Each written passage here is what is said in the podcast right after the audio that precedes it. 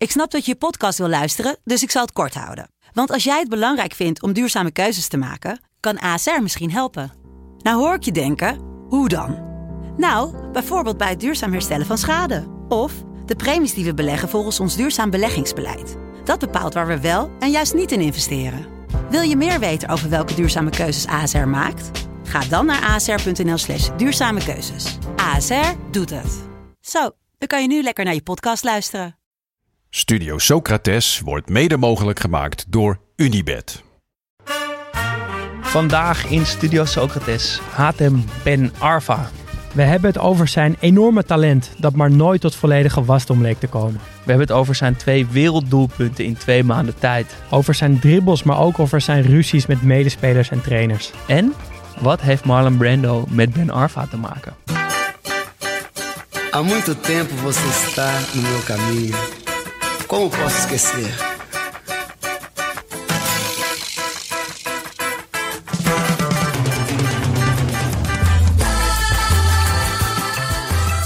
Welkom bij Studio Socrates, een podcast over alles wat voetbal mooi maakt.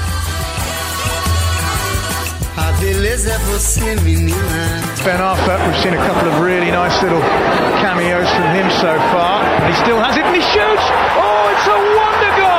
Ben Arfa, he's away from Ricketts. Now then, Cisse wants it played through now, and Ben Arfa delays it. Ben Arfa all the way. What a goal! Hassan Ben Arfa! A magnificent goal! Lionel Messi would have been proud of that one. O sorriso que dá. Ja, Jasper, Ja, het is de laatste. de laatste van dit seizoen. Ja, Eh, niet de laatste ooit. Nee, zeker niet. Zeker niet. Zeker. Het proeft juist naar meer.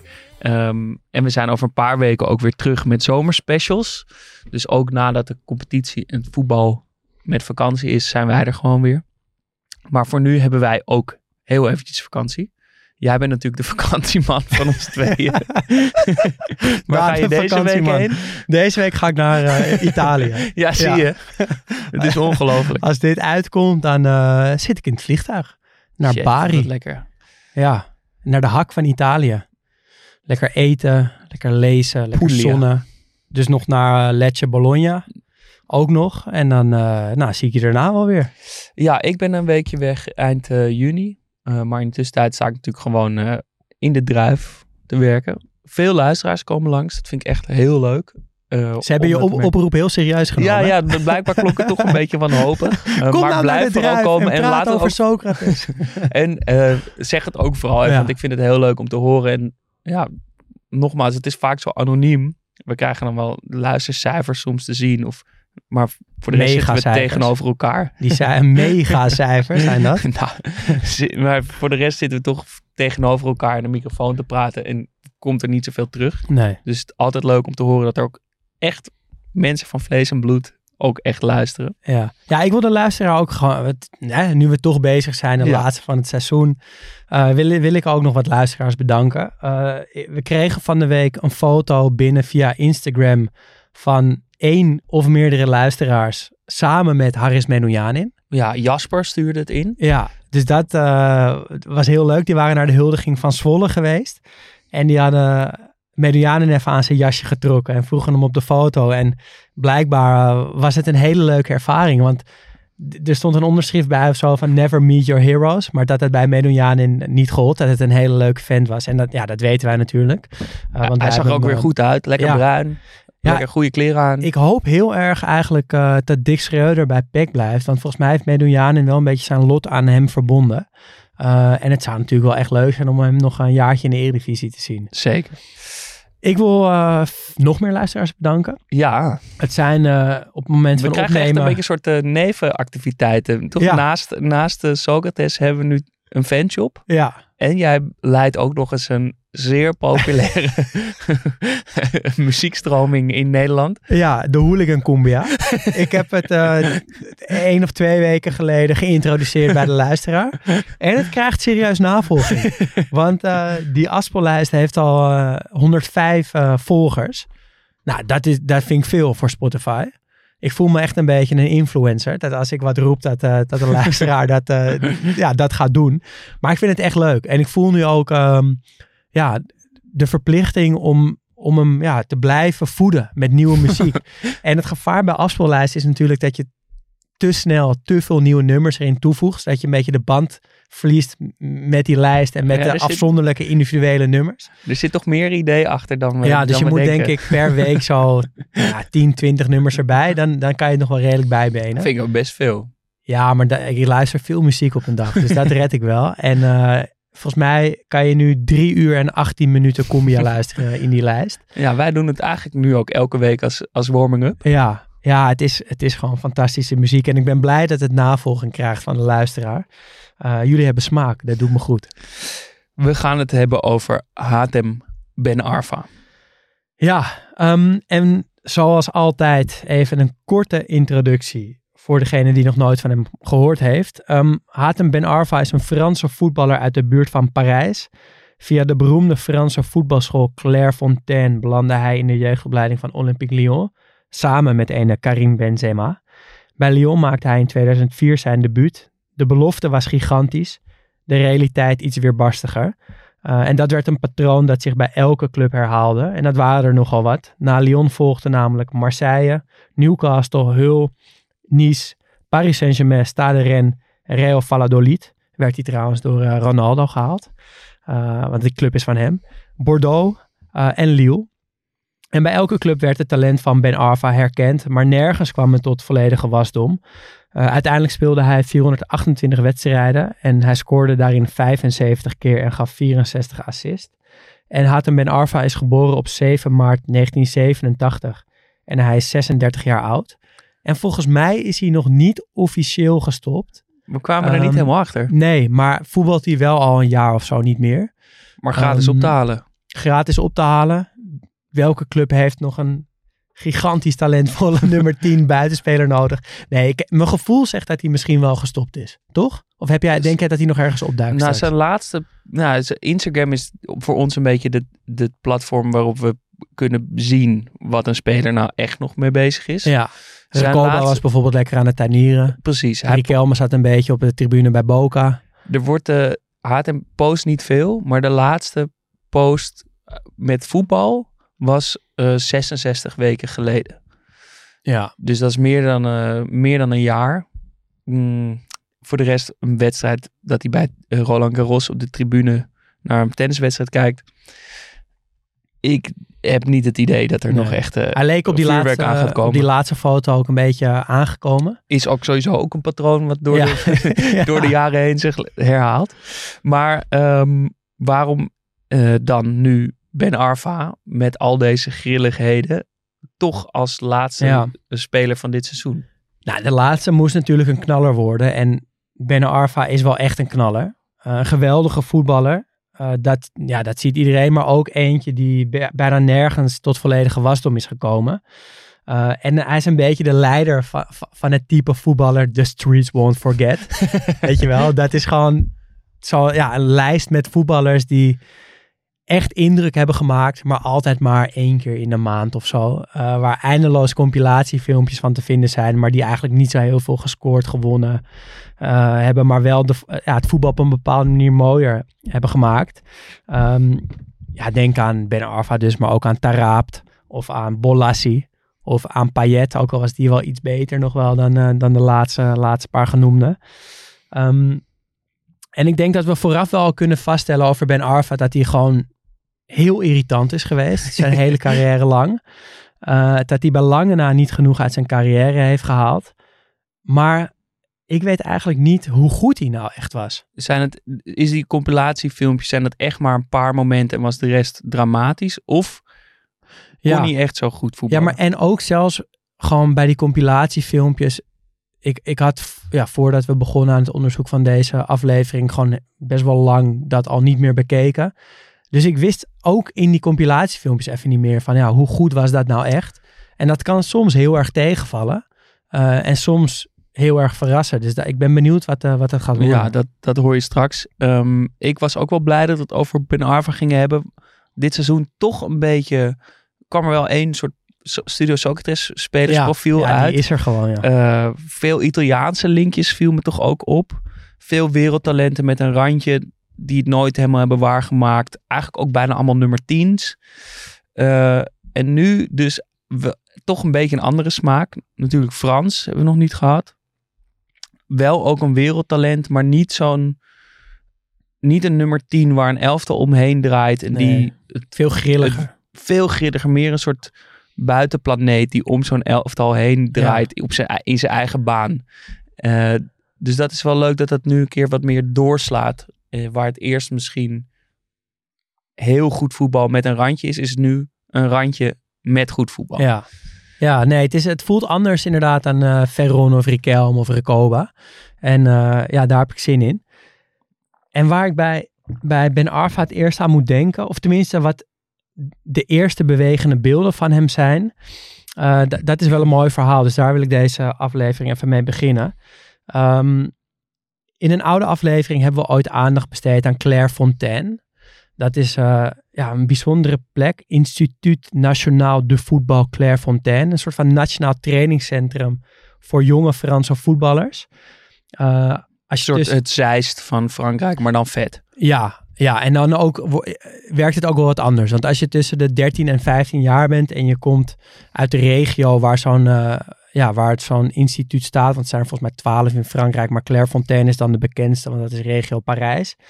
Ehm, en als je dan bij de talentvolste jonge voetballers uit die regio hoort, dan ga je daar intern. Dus dan ga je daar een paar jaar wonen eh, en krijg je daar training van de allerbeste trainers en die leiden voetballers op die vervolgens weer uitvliegen naar jeugdopleidingen van nou ja, Lille of Paris Saint-Germain of whatever.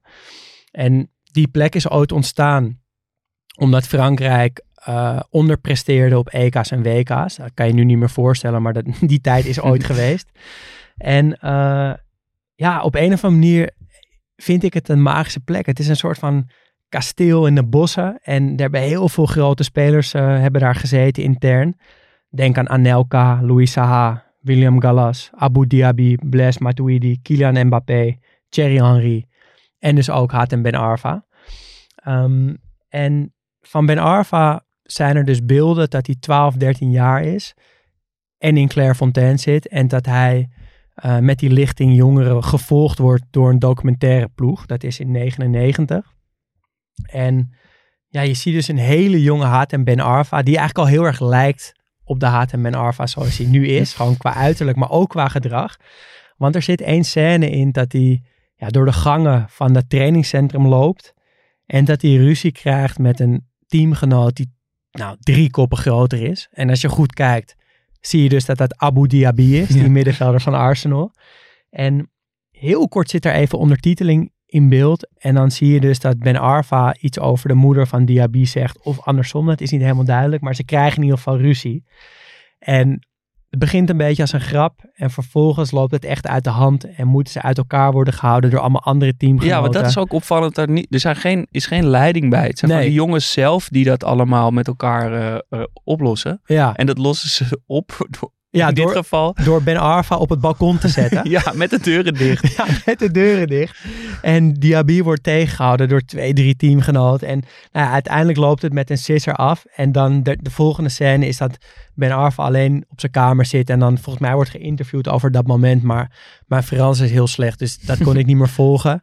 En daarna uh, zijn er wedstrijdbeelden van een Ben Arfa die ook ja, toen al geweldig kon voetballen. Um, die docu is te zien op YouTube, à la Claire Fontaine, uh, gemaakt door kan Kanaal Plus. En het, helemaal nu is het wel, met de kennis van nu, interessant om te zien. Want Ben Arfa was toen al ja, het middelpunt. En dus niet alleen omdat hij goed kon voetballen, maar ook omdat hij toen al een soort van onhandelbaar was. Ja, dat, dat werpt meteen de vraag op of Ben Arfa nou meer bekend is om het voetbal of meer bekend is om alles daaromheen. Ja, nou ja, dat, je kan het bijna niet loszien van elkaar, toch? Want hij, hij heeft zoveel mooie dingen met een bal gedaan, ben ik achtergekomen. Maar er is ook altijd zoveel ophef geweest dat...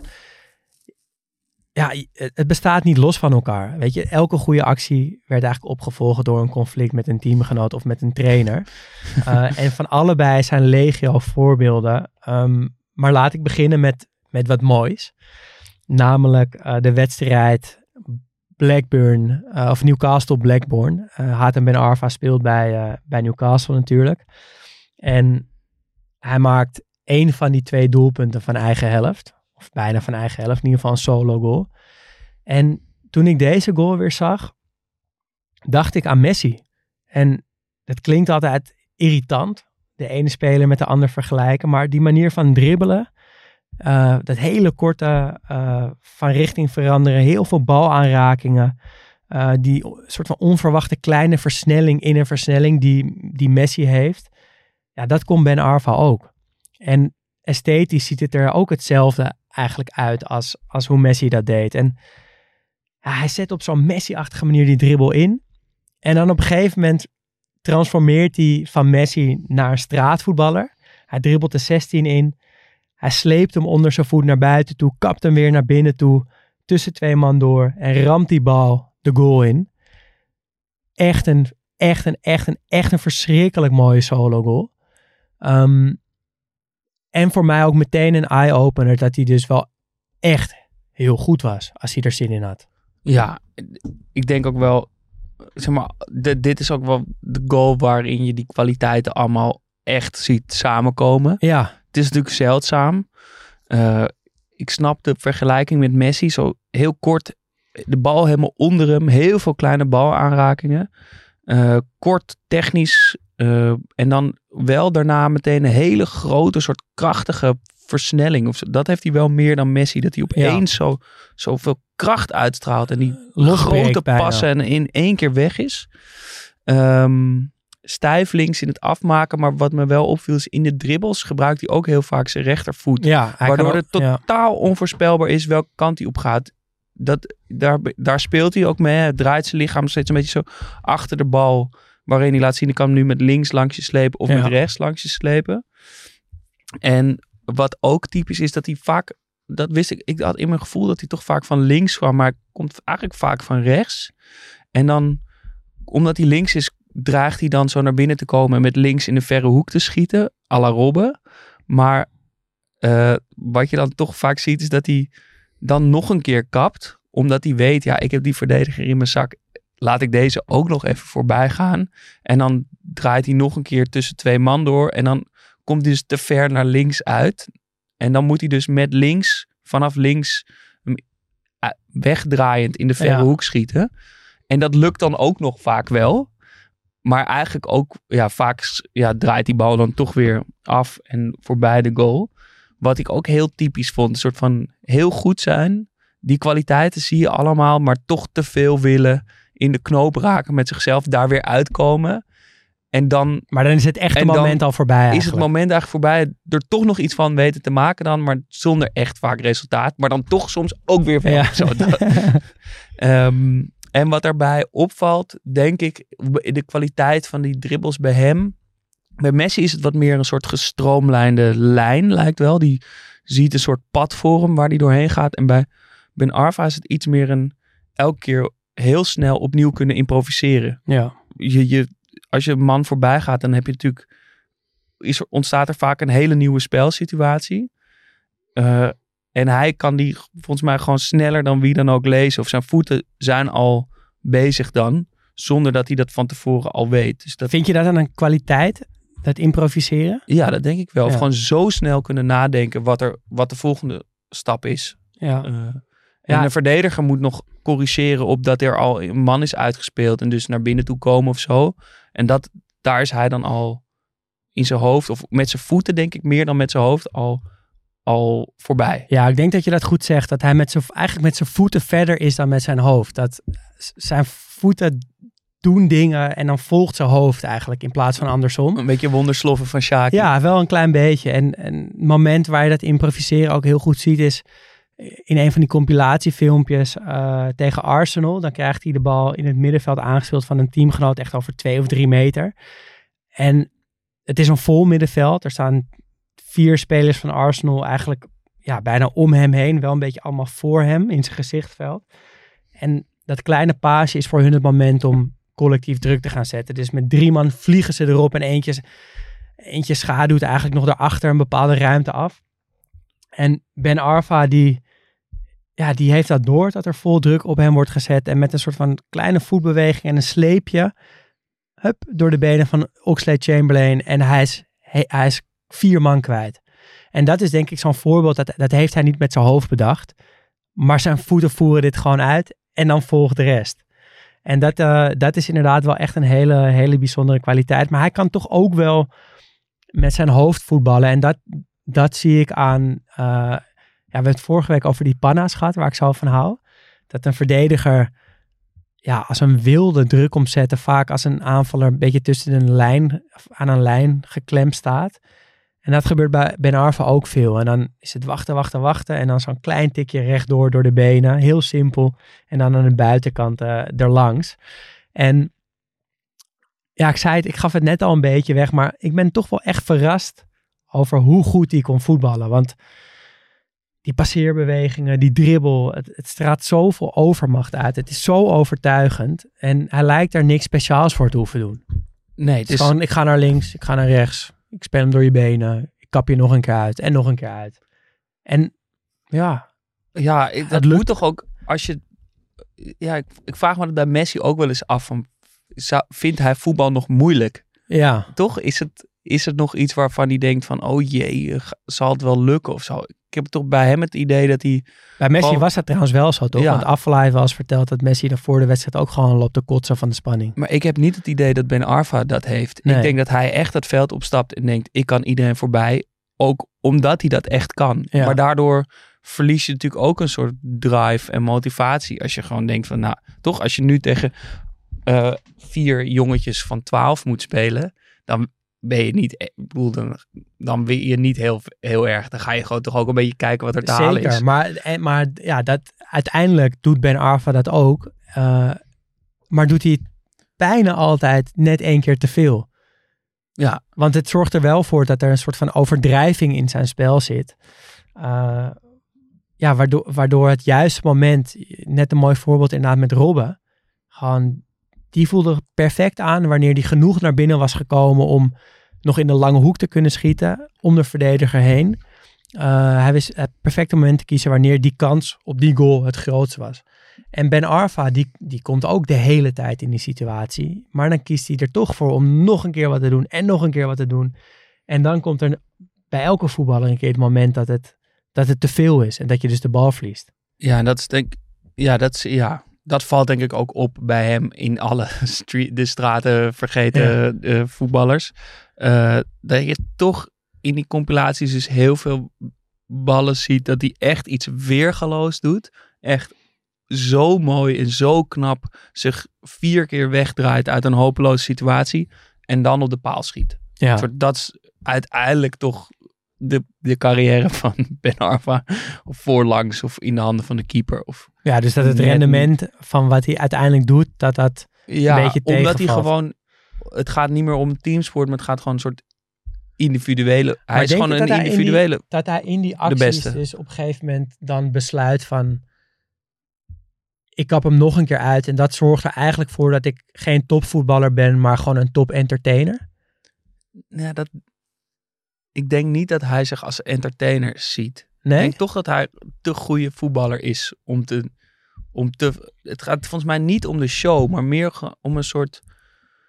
eh, ja, hij verliest motivatie omdat hij het te goed is, denk ik. Zoiets. Van ja, het zal wel. Ik kan je toch voorbij. En Ja. komen, dat zijn nog wel meer voorbeelden ook wel waaruit het blijkt. En daar komen we straks ook wel op. Maar dat, dat zorgt natuurlijk ook voor een ontzettend irritante gast. Ja. Die ja, hopeloos is om mee Ja. te voetballen. En waar al die ophef ook uit ontstaat. Ja, want naast die gigantisch mooie acties is er natuurlijk ook altijd ophef geweest rondom Ben Arfa. En eh, iets wat dat wel mooi illustreert is dat ik een lijst tegenkwam van spelers die de meeste clubs in de top 5 competities gehad hebben in de 21ste eeuw. Eh, en dat begint met Matteo Brighi met 10 clubs, Kyle Kakuta ook 10 clubs, Ben Arfa dan ook 10 clubs. Nou, die hebben jullie net gehoord welke dat waren. Eh, Nicola Amoruso met 11 clubs, Loic Remy met 11 clubs, Kevin Prince Boateng ook met 11 clubs. En dan eenzaam op plek 1 met 13 clubs. Ik wist niet dat we hem hier gingen tegenkomen, maar, Maar, daar wat is hij. heerlijk. Marco Borriello. 13 clubs. En ik dacht echt, hoe kan dat? Want deze man heeft toch alleen maar in Italië gespeeld. Ja, Dat klopt dus ook. Eén uitstapje van twee wedstrijden naar West Ham United. Eh, en voor de rest heeft hij gespeeld bij 12 Italiaanse clubs. Milan, Sampdoria, Genua, AS Roma, Juventus, Carpi, Atalanta, Cagliari, Spal, Treviso, Empoli en Regina. Allemaal in de Serie A. En toen sloot hij ook nog zijn carrière af op Ibiza bij die club. ja, het is echt fantastisch. En, nou, Echt we zien, wij zien nu een foto hier eh, op ons beeldscherm in de studio. Want ik ben er nog even ingedoken in die Borriello. Eh, deze staat denk ik ook wel op onze Instagram straks. Maar die man heeft, het is natuurlijk een fantastische mooi boy. Maar voor zo'n mooi boy heeft hij echt de aller, allerraarste tattoos die ik ooit heb gezien. Er is ergens wat fout gegaan, hè? Hij heeft dus de, de rechterkant van zijn borst is helemaal zwart. Met wat rare figuren. Zijn met een beetje is die, ook eh, helemaal zwart. Dat ik ook heftig. Een beetje die Nieuw-Zeeland-achtige Ja. tribe tatoeage. en dan heeft hij zijn linkerarm heeft hij een, een schouderplaat en een band om zijn, om zijn eh, biceps en een band om zijn onderarm. En dan heeft hij ook nog twee enkelbanden om. En met nog wat letters tussendoor. Het, ziet, het is, ja, ik heb het nog nooit eerder gezien. Nee, het is, het is echt eeuwig zonde. Moet even is, eh, benoemd Ja, worden. zeker, zeker. Want het is zo'n onwijs knappe man eigenlijk gewoon. En die te, te, te verpesten met al die lelijke tatoeages. Ehm, maar even terug naar, terug naar Ben Arfa. Eh, ja, tien clubs. En bij bijna elke club met ruzie weggegaan. Ja, ik moet toch ook wel, of in ieder geval van tevoren, en ik denk dat het nog steeds wel zo is, dat ik toch meer aan die incidenten moet denken dan aan voetbal bij hem. Ehm, we hebben dus een aantal spelers behandeld in de afleveringen bij wie het toch de goede kant op sloeg. Ja. En bij Ben Arfa slaat het toch wel te ver door naar de irritante ophefkant. Het lijkt, ja, die, die individuele compilatiefilmpjes, zo lijkt hij dan toch belangrijker te vinden dan het winnen van prijzen of het team waar hij mee speelt. Maar ja, hij is wel weergeloos. Hij is wel een, ja, hij had in potentie een gouden schoenwinnaar of een gouden balwinnaar kunnen zijn. Zou jij, als jij coach was van een middenmotor, die, eh, weet ik veel, toch een beetje onderaan is komen te Ja. staan. Zou jij de gok wagen met iemand als Ben Arfa? Want het, is, het belooft wel veel. Ja, ja het, het belooft, het belooft de beste speler van je team te worden. Dat heeft hij in zich. Maar er zijn natuurlijk maar heel weinig voorbeelden van spelers die ooit heel lastig waren. En die op een gegeven moment de knop omzetten en een teamspeler worden. Ehm, in Nederland is denk ik het allerbeste voorbeeld Oussama Tanane. Nou, ik kijk voor mijn werk heel veel eredivisie voetbal. En je weet gewoon als je NEC kijkt, is het niet saai. Want Tanane speelt mee. Dus dat is gewoon super leuk. Alleen tegelijkertijd zijn er ook zoveel fratsen en zoveel egoïstische acties en zoveel afstandsschoten van 30 meter die de tribune invliegen en zoveel handgebaartjes en irritant gedrag dat, dat ik als trainer dat niet zou willen. Ehm, en ik me dus ook wel afvraag onder de streep of het meer oplevert met hem of meer oplevert zonder hem. En dat is bij Ben Arfa ook zo. Dus Ja, ja, het is ook natuurlijk je hele dynamiek in de kleedkamer Precies. gaat er ook aan. Want ja, je moet zo'n speler vrijlaten. Je moet hem wat privileges geven. Want anders ja, in zo'n heel strak keurslijf rendeert hij helemaal niet. nee. Maar ja, dan, dan is de rest van je team moet het dan weer allemaal gaan opvangen. Ja, nee, dus ik zou, ik zou het niet doen. Nee, die, die voorbeelden zijn denk ik ook te schaars. Ik moest wel denken aan Taraabt. Ja. Die toch nog opeens een hele dienende rol bij Benfica kreeg. Ja, die speelde opeens als verdedigende middenvelder bij Benfica vorig jaar. Speelt nu wel vervolgens ook weer bij Al Nasser of zoiets. Ja. Maar toch, die is, ge- is Ja, helemaal die- in de vergetelheid geraakt. En heeft Opeens zich toch opnieuw eh, uitgevonden. een fase dat hij, eh, dat hij wel betrouwbaar was, ja. Maar ja, bij, bij Ben Arfa, ja, wij zeggen dus meteen, wij zouden de gok niet wagen. Daar ben ik het helemaal met je mee eens. Maar toch, elke keer, elk jaar is er toch weer een club die erin Er zijn, er zijn veel trainers die zichzelf eh, schromelijk overschatten en hem wel halen. Ja, is het dan gewoon puur de ego van een trainer of is het wanhoop van een club? Ik denk allebei inderdaad. Ik, maar ik denk wel echt dat er heel veel trainers zijn, voetbaltrainers zijn, die denken, ik krijg hem wel aan de praat. Toch, dat moet toch wel ego zijn. Maar ik heb het even Gewoon het Messias complex. Eh, de lijst bij eh, Ben Arfa gaat ongeveer zo. Bij Marseille krijgt hij ruzie met Erik Gerets. Dat lijkt me trouwens wel iemand waarmee je heel makkelijk ruzie krijgt. Bij Newcastle krijgt hij ruzie met Pardew. Lijkt mij ook. Bij Hull krijgt hij ruzie met Steve Bruce. Bij Frankrijk krijgt hij ruzie met Deschamps. Bij PSG krijgt hij ruzie met Unai Emery. Bij Bordeaux krijgt hij ruzie met Jean-Louis Gasset. Bij Lille krijgt hij ruzie met Gouvernec. En dat is dan nog even los van de ruzies met teamgenoten. Want dat zijn er bij elk team ook een, nou, meerdere. Ja. Eh, eigenlijk de enige eh, die het lukt is eh Claude Puel bij Nice. Eh, hij noemt Puel ook zijn voetbalvader. Eh, speelt verreweg het beste seizoen uit zijn carrière. Ook opvallend, Puel noemt Ben Arfa rustig. Iemand die van het spel houdt. Iemand die voetbal volgt. Veel wedstrijden kijkt en ideeën heeft over hoe het spel gespeeld moet worden. En die goede band en ook in combinatie met een hele vrije rol die Ben Arfa kreeg. Zorgde dus voor dat hij één seizoen het wel inlost. ja. Vervolgens gaat hij weg omdat Paris Saint-Germain op de deur eh, klopt. Vanwege dat wonderseizoen. Is, dat zijn, is dat zijn hoogtepunt geweest dan, dat, dat jaar bij Lille? Nou, ik, ja, je, het is natuurlijk moe, ik denk wel dat je objectief gezien dat moet zeggen. Want hij scoort 17 keer. Hij speelt goed, hij ligt goed in de groep. Hij kan het goed vinden met Puel. Vervolgens klopt Paris Saint-Germain op de deur. En dat begrijp ik ook wel als de club uit de stad waar je bent opgegroeid, de grootste van het land, jou wil. Dan, ja, ik snap dat je dan gaat. Ehm, wat vervolgens ook weer op een teleurstelling uitdraait.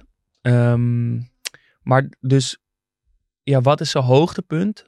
Dat is moeilijk te zeggen, maar want het lijkt steeds teleurstelling op teleurstelling te zijn. Maar wat mij heel erg hielp in het onderzoek naar Ben Arfa, zijn toch zijn statistieken. En Maar dan niet per se zijn goals en assists, denk niet ik. zijn goals en assist, maar ja, het, het focust vooral op dribbelen, want daar is hij echt wereld, wereldtop. Sinds het pensioen van Zidane in 2006 is hij de Fransman met de meeste succesvolle dribbles. Ehm, alleen Neymar en Messi hebben een hoger aantal succesvolle dribbles gemiddeld per wedstrijd eh, in de top 5 competities. Neymar iets van 5 en Messi 4,6. Ben Arfa is derde met 4,3 succesvolle dribbles gemiddeld per wedstrijd. Nou, dat, Dat is, eh, dat is een rijtje, een wereldtoprijtje, zou je zeggen. ja, en sinds Opta alles is bij gaan houden, dat is sinds 2006, is hij de meest succesvolle dribbelaar in de Ligue 1. In 2017, of in 217 wedstrijden dribbelde hij 1217 keer, waarvan er 628 succesvol waren. Meer dan wie dan dus ook. In de periode bij Newcastle van 2010 tot 2014 had hij ook het gemiddeld het meeste aantal succesvolle dribbles van de Premier League. Meer dan Hazard, meer dan Sterling, meer dan Suarez.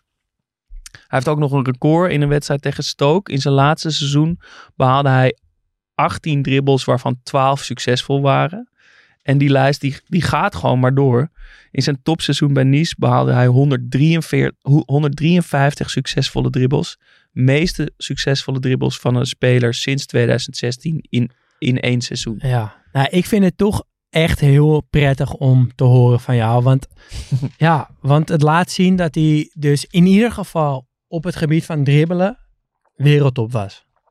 Dat, dat wijzen deze statistieken uit. Ja, het zijn geen En- toevalstreffers. Het is echt Het, want het is namelijk over zijn hele carrière heen gezien. En ja, hij kan Messi en Neymar volgen in, die- in, die, in die dribbelstatistieken. En ik vind, het, ik vind het fijn omdat, kijk, bij lastige jongens wordt vaak gezegd, ja, als hij niet zo lastig was geweest, dan had hij dit of dan Ja. had hij dat. Ehm, terwijl vaak is het volgens mij eerder andersom. Vaak zijn lastige jongens eigenlijk helemaal niet zo heel goed in dat voetbal, maar zorgt dat lastig gedrag er juist voor dat ze constant in de schijnwerpers blijven staan. bij zo'n Anelka of Ja. eh, zo iemand. Ja, en leidt het eigenlijk eh, ten positieve af. Want het voetbal zelf van die spelers is vaak helemaal niet zo goed. Maar door dat constante lastige gedrag, denk je als, als kijker of als voetbalvolger toch van...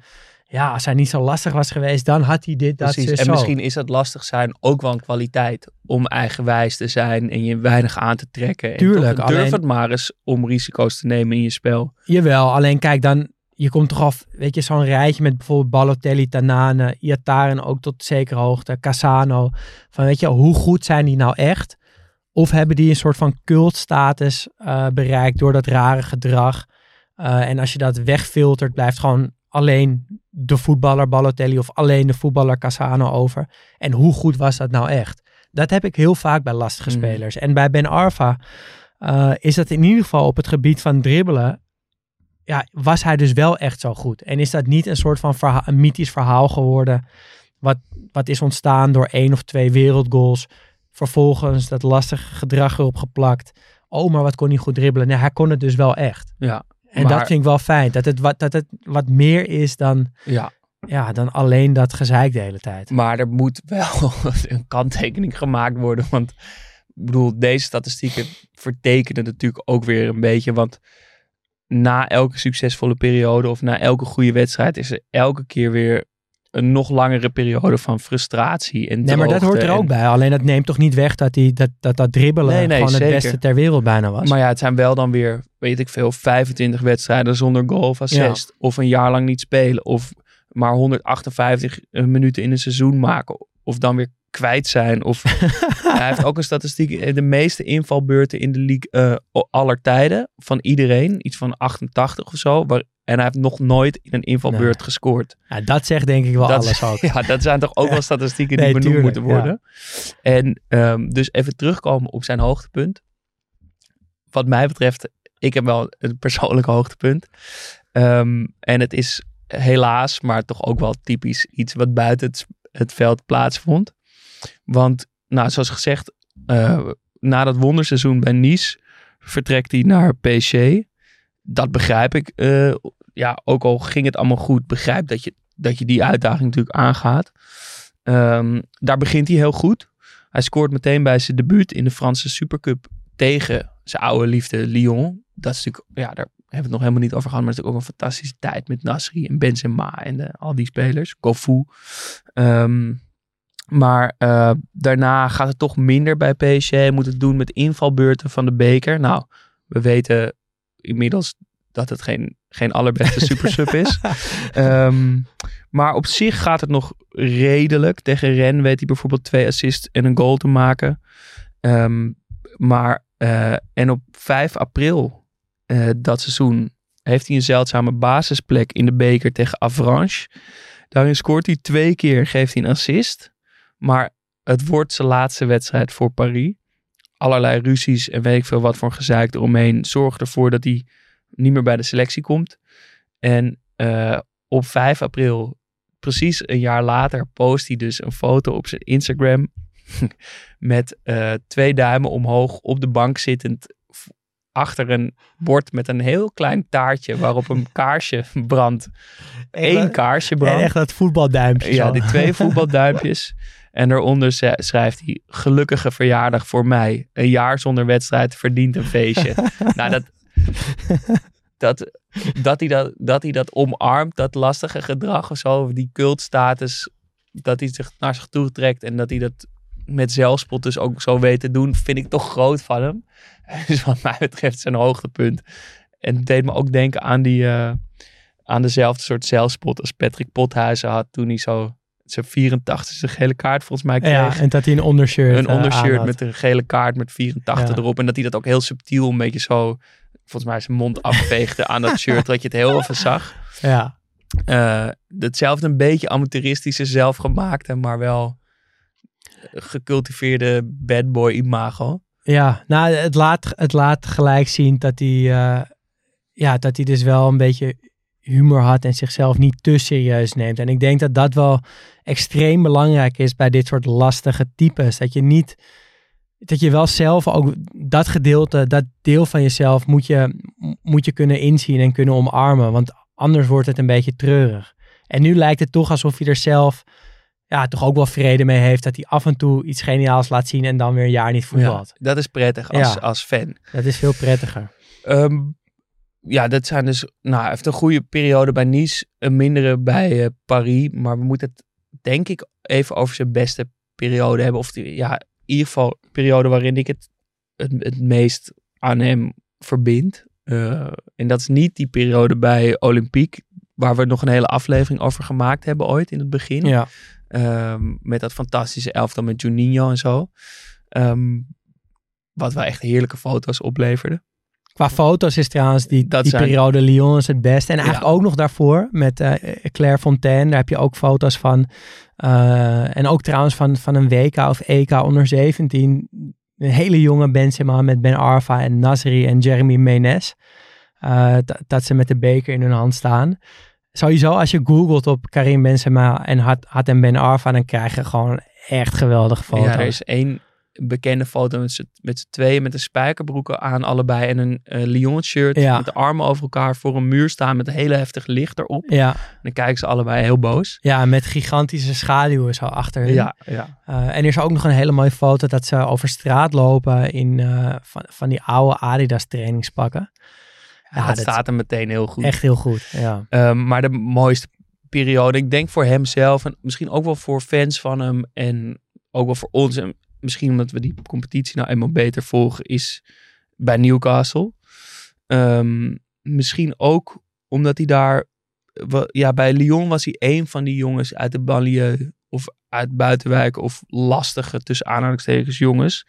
Maar bij eh, Newcastle valt hij wat meer op, is hij iets meer de vreemde eend in de bijt, terwijl het toch wel een heel vet team is met een ehm, bonte verzameling Frans sprekende spelers. Dus een soort Franse enclave geworden opeens. Niet allemaal uit Frankrijk, maar wel allemaal francofoons. Eh Tchaik Tioté, Papi Cissé, Johan Kabay, Dembaba, Moussa Sisso- Sissoko, Johan Gouffran, Obertan, Yanga Mbiwa, eh Gouffran, et cetera. Ehm, en dus Ben Arfa. En ik wilde het over die periode hebben. Daarbij beginnen met een andere foto die ik vond. Namelijk, ehm, de, ja, dus Newcastle eh, promoveert ehm, voor het eerst weer. Ehm Ben Arfa wordt gehaald als de grote verlosser. Of de eerste grote soort naam sinds Alan Shearer ongeveer. Dat eerste seizoen in de Premier League is nog rommelig.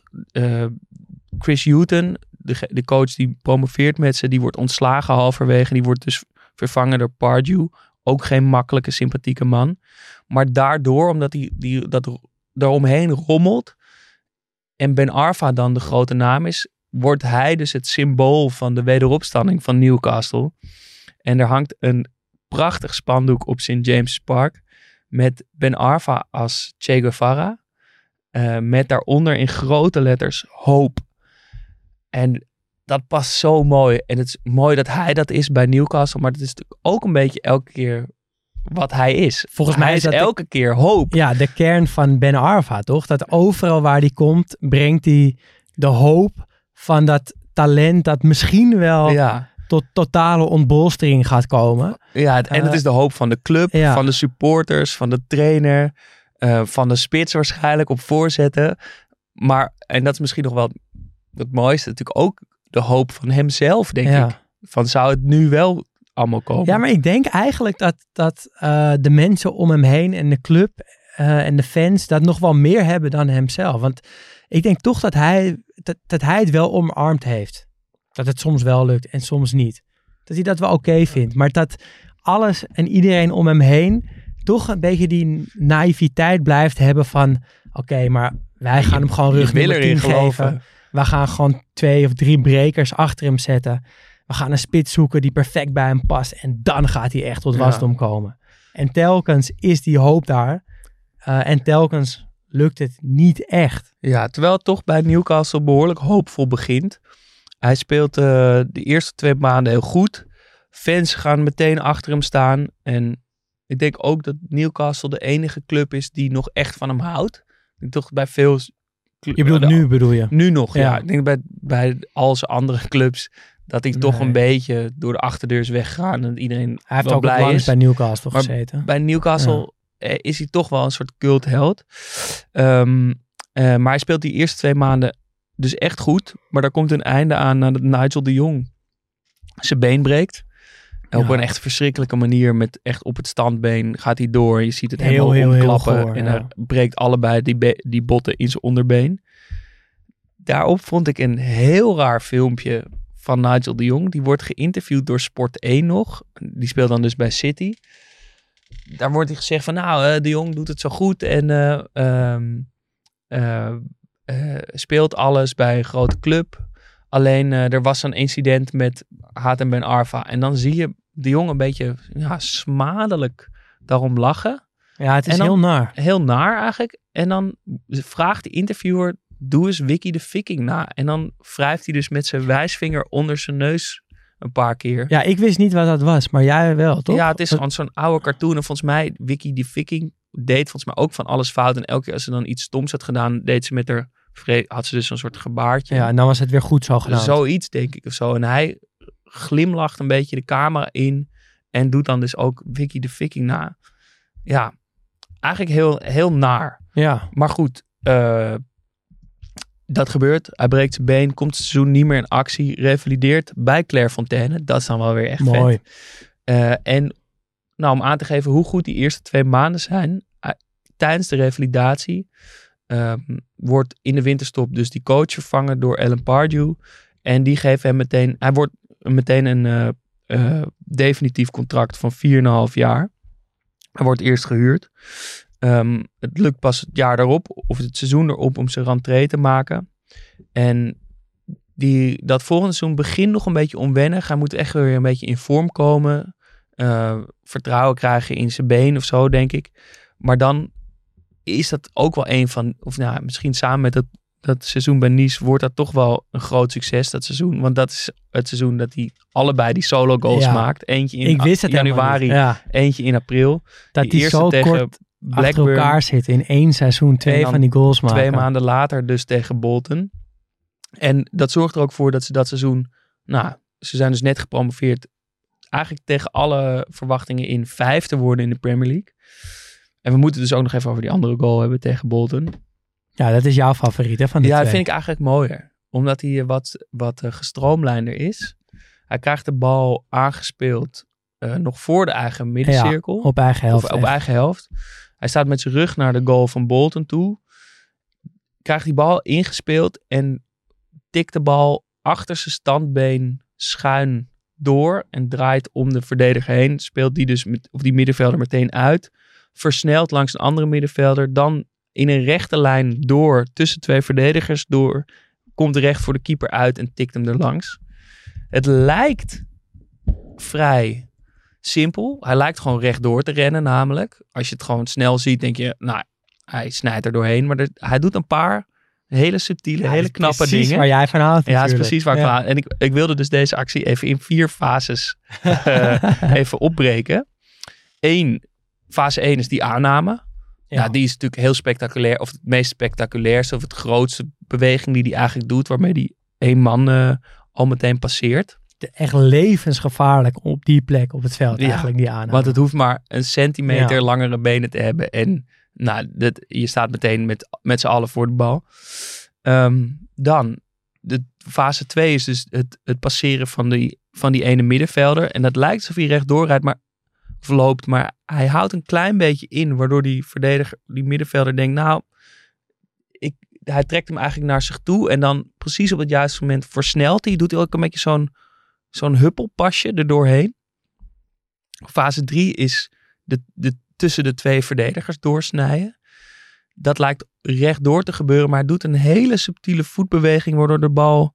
Je ziet een, een van die twee verdedigers een soort aanzet maken om een tackle in te zetten, maar hij weet dat voor te zijn door de bal echt maar een mini beetje te, te loppen, te chippen voor hem uit. Ja. Dus die bal, die, die- nou, ik dat denk dat hij een halve meter van de Ja. grond afkomt, maar daardoor het is ziet die belangrijk. verdediger meteen die tackle, die heeft geen zin. Ja. ja, maar dit doet hij dus heel vaak. Ja. Het viel me op. Dat hij dus ervan uitgaat dat een verdediger nog wel de goede kant kiest waar hij gaat passeren. Dus dat hij zijn been uitsteekt. Maar eigenlijk een beetje zoals die Ozil bounce. Ja. Zo passeert hij. Dus dat hij een heel klein tikje geeft, waardoor die bal...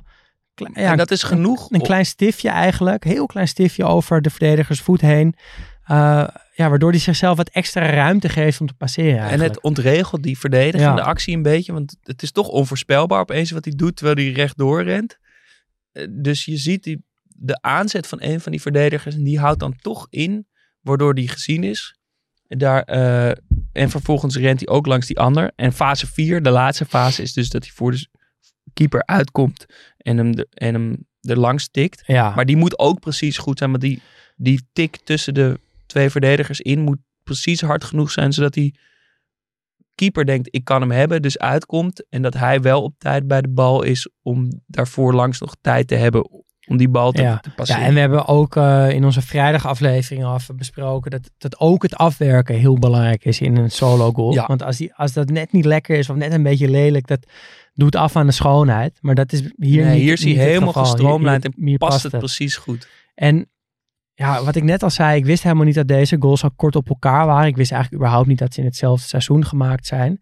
Eh, en dat, dat maakt het verhaal natuurlijk wel nog mooier. Eh, en al helemaal als je weet wat zijn teamgenoot Gutierrez eh, uit die tijd over deze goal zegt. Gutierrez, het is die verdediger, middenvelder met, die lange haren. eh, die volgens mij ooit nog e- echt ziek werd en daarvan herstelde. Ehm, nou ja, als je hem googelt, dan herken je hem wel. En die, die vertelde over deze doelpunten. Van ja, weet je wel, we, we zagen zijn talent. We wisten hoe goed hij was. Het enige eigenlijk wat we hem op het hart drukten was... maak je acties op het laatste gedeelte van het veld. dus het laatste derde deel van, van het voetbalveld. Doe daar wat je wilt. Ik kan me voorstellen dat ze eigenlijk ook daar wel wilden dat hij af en toe simpel speelde. Maar oké, doe wat je wilt. Maak je acties. Maak nog een actie en nog een actie. Schiet van afstand. Passeer er drie, passeer er vier. Doe wat je wilt. Eh, maar op eigen helft en in de as van het veld, hou het simpel.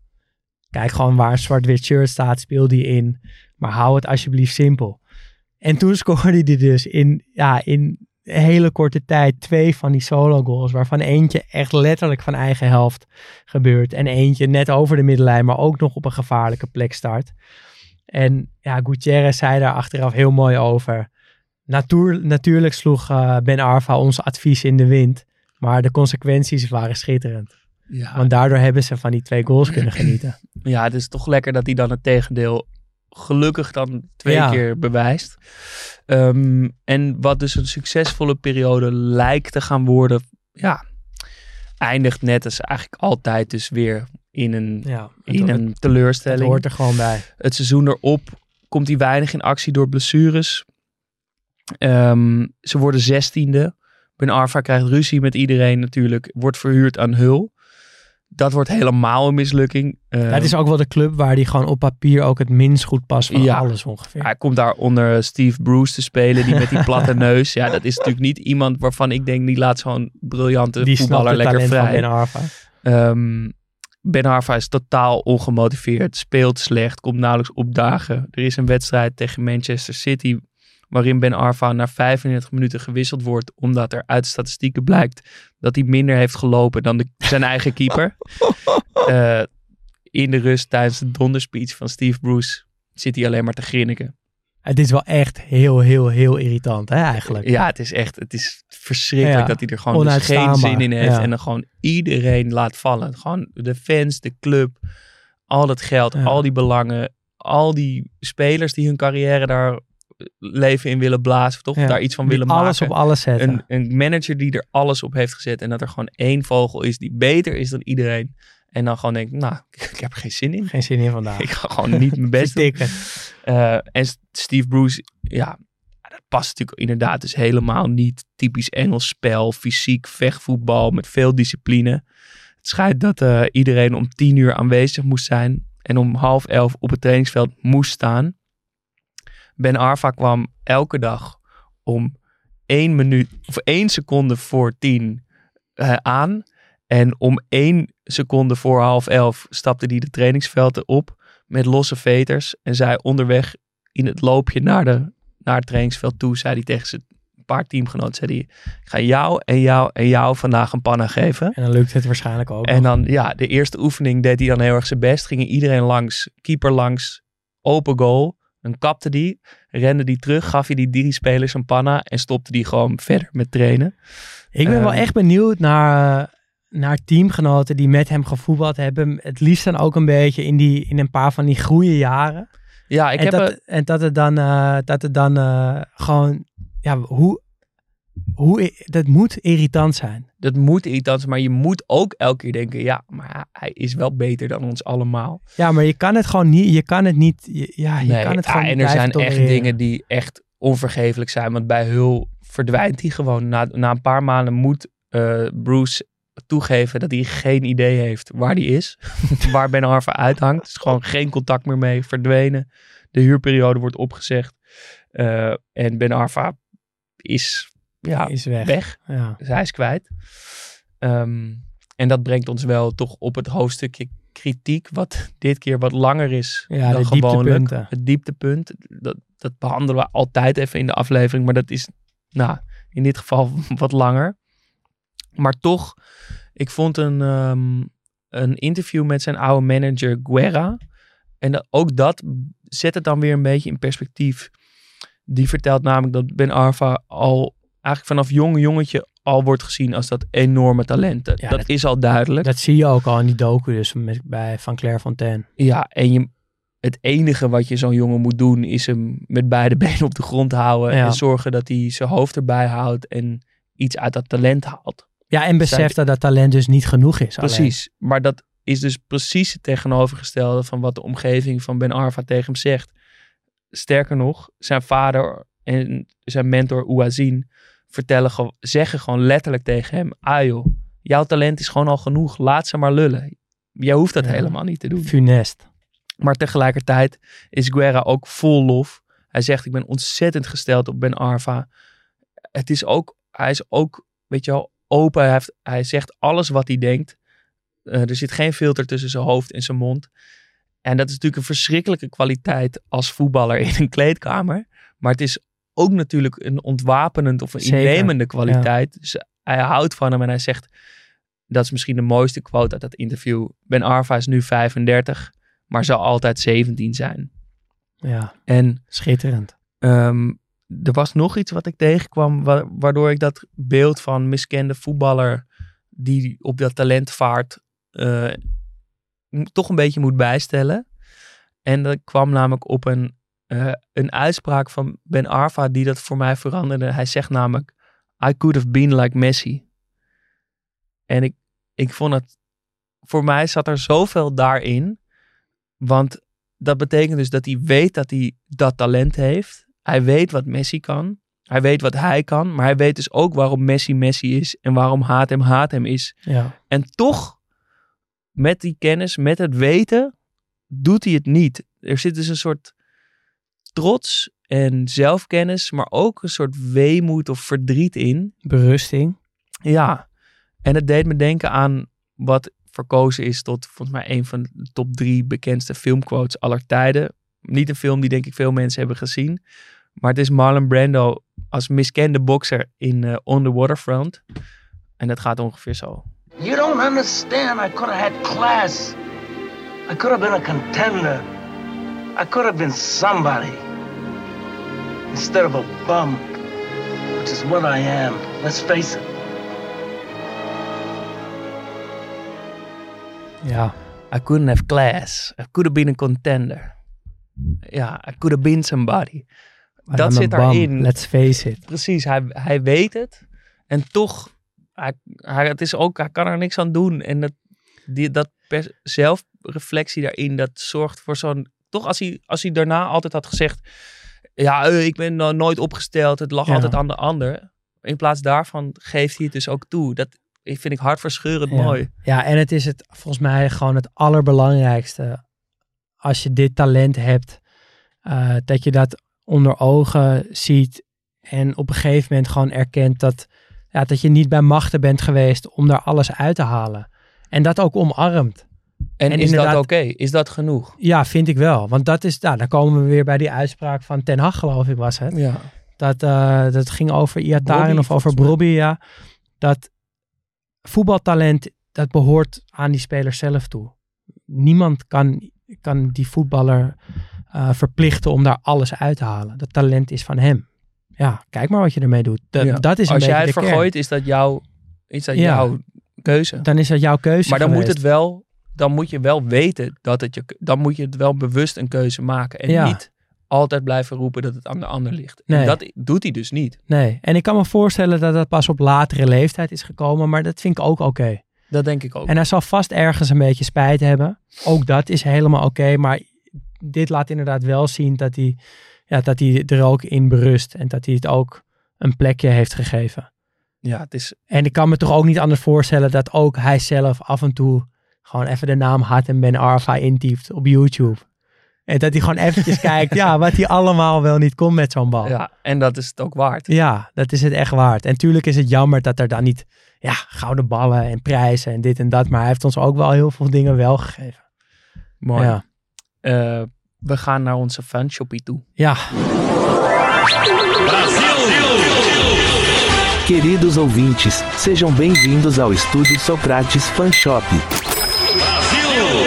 Ja ook dit is eh, de laatste van het seizoen. En de laatste fanshoppie. Maar wij gaan vrolijk door om het assortiment uit te breiden. Ja, ik kan alvast verklappen. Ik ga niet zeggen wat. Maar dat jij weer twee nieuwe aankopen ik, hebt heb gedaan. weer, ik heb voor de eh, fanshoppie. scrollen. Ja, en ik heb... eh, ja, ik dacht ook, ja, we moeten er met een knaller uit. Gewoon net als met Ben Arfa moeten we ook in de fanshoppie met een knaller eruit. En toen jij dit stuurde, toen was ik wel echt eventjes, Ja, maar ja, heel erg onder de indruk. ja, want ik had natuurlijk al tegen jou gezegd van... eh, en ook tegen Mart. Jongens, ik heb een eh pennenset gekocht van het Franse nationale elftal.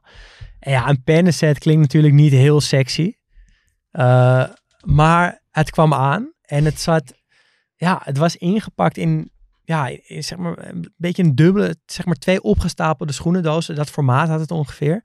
En ik maakte het open en het zat ingepakt in allemaal kranten. Maar ook met dat...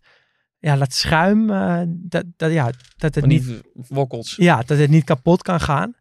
Dus ik dacht, nou, dat is wel heel, eh, heel overdreven voor, voor een bakje pennen. Maar toen maakte ik het open en toen zag ik, ja, een soort boek, daar lijkt het op. Of een dvd-box een beetje. Met pontificaal op de voorkant, maar toch ook wel subtiel. Het logo van de Franse Voetbalbond. Eh, met onder en boven ja, lijnen in de kleuren van de Franse vlag. En ja, dat kon ik openklappen als ware het een boek. Dus dat deed ik. En toen verscheen er, ja, een pennenset. Echt om je vingers bij af te het likken. zit in het boek zit in waaiervorm. Aan Ja. de ene kant een blauwe achtergrond en aan de andere kant een rode achtergrond. Met daarop dus uitgewaaierd pennen. Met op elke pen het gezicht van een team, van, van een speler uit de Franse selectie. Ja, en natuurlijk is de kroonjuweel Zinedine Zidane. Daar is één pen van. Ja, ik heb hem er toch even uitgehaald en getest. Hij deed het. Hij deed het. Uh, maar ook bijvoorbeeld Patrick Vieira, Robert Pires, uh, Emmanuel Petit, Fabien Barthez. Ja, al die uh, namen van 98, 97, 98 is er denk ik, die, die zitten erin. Er mist één pen. Ja, geen ben je, ramp. Ben je erachter welke speler uit nee, de selectie ja, mist? Nee, het is volgens mij is het een trainer of een soort van pen van, van, van het land of zo. Een beetje onbelangrijk, maar er mist er eentje. Maar ja, het is echt, uh, echt heel mooi. De pennen doen het. Uh, en met pijn in mijn hart, maar ook wel met heel veel vreugde in mijn hart, schenk ik dit aan jullie. Uh, het enige wat je weer hoeft te doen is, is te reageren op onze post op Instagram met Vive, Vive la France. Uh, en dan maak je kans op, op deze ja, gigantisch mooie pennenset. Hij staat, uh, deze aflevering komt uit woensdagochtend. Meestal ja. doen we een post woensdagavond met ja. de fanshoppie. Woensdagmiddag, woensdagavond staat hij online. Precies, en Mart, Mart Kikker die gaat een winnaar kiezen daaruit. Ja. Nou Jas, dan, dan zijn we er hè, voor, hebben, voor dit seizoen. We hebben vakantie, een paar weekjes. Ja. Nog niet helemaal duidelijk wanneer we terug zijn, maar het gaat niet te lang duren. Ik denk ergens in, in juli, ja. dus een maandje rust. Met met zomerspecials. Ja. ja, en we kunnen dus wel zeggen dat ons, ons contract verlengd is, hè? Dat, ja, Toch? ik, ik kijk naar kijken. Is, maar, is ons huurcontract omgezet in een jaarcontract? Nou ja, want wij hebben natuurlijk ook een transfer gemaakt aan het begin van dit ja, seizoen. Maar dat is goed bevallen. Heb je trouwens een, een favoriete aflevering van dit, dit seizoen? Oeh. Heel, heel kort even terugblikken. Um, ik vond uh, Cannavaro leuk. Ja daar veel van geleerd, voor mijn gevoel. Recoba was natuurlijk voor mij wel... Ja, toen ben je fan een, geworden. Een, een, een speciale. Uh, Drogba vond ik zelf Drogba was een hele goeie, inderdaad. Ja, het is gewoon... Het is, is, ik, ben, ik vind het gewoon over het algemeen leuk dat ik zo'n persoonlijke band voor mijn gevoel ja. met die spelers heb gekregen. Dat ik ze toch een beetje ben ja. gaan leren kennen.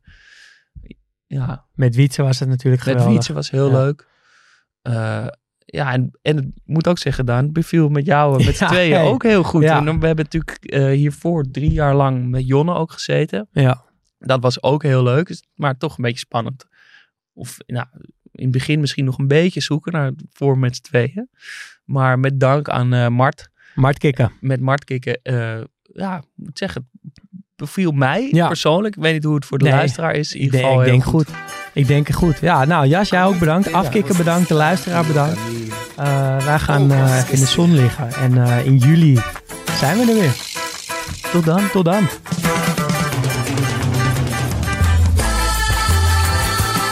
Studio Socrates wordt mede mogelijk gemaakt door FC Afkikken.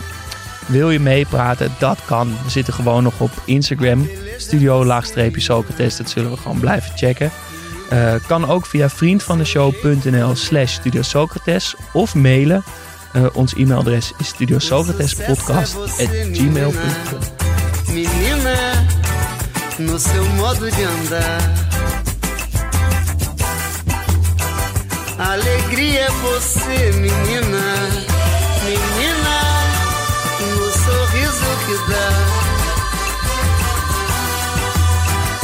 Vendaval por amor, menina, menina, todos querem te amar. Ei, vento, vento, vento no mar, te segura no balanço, o vento não te levar.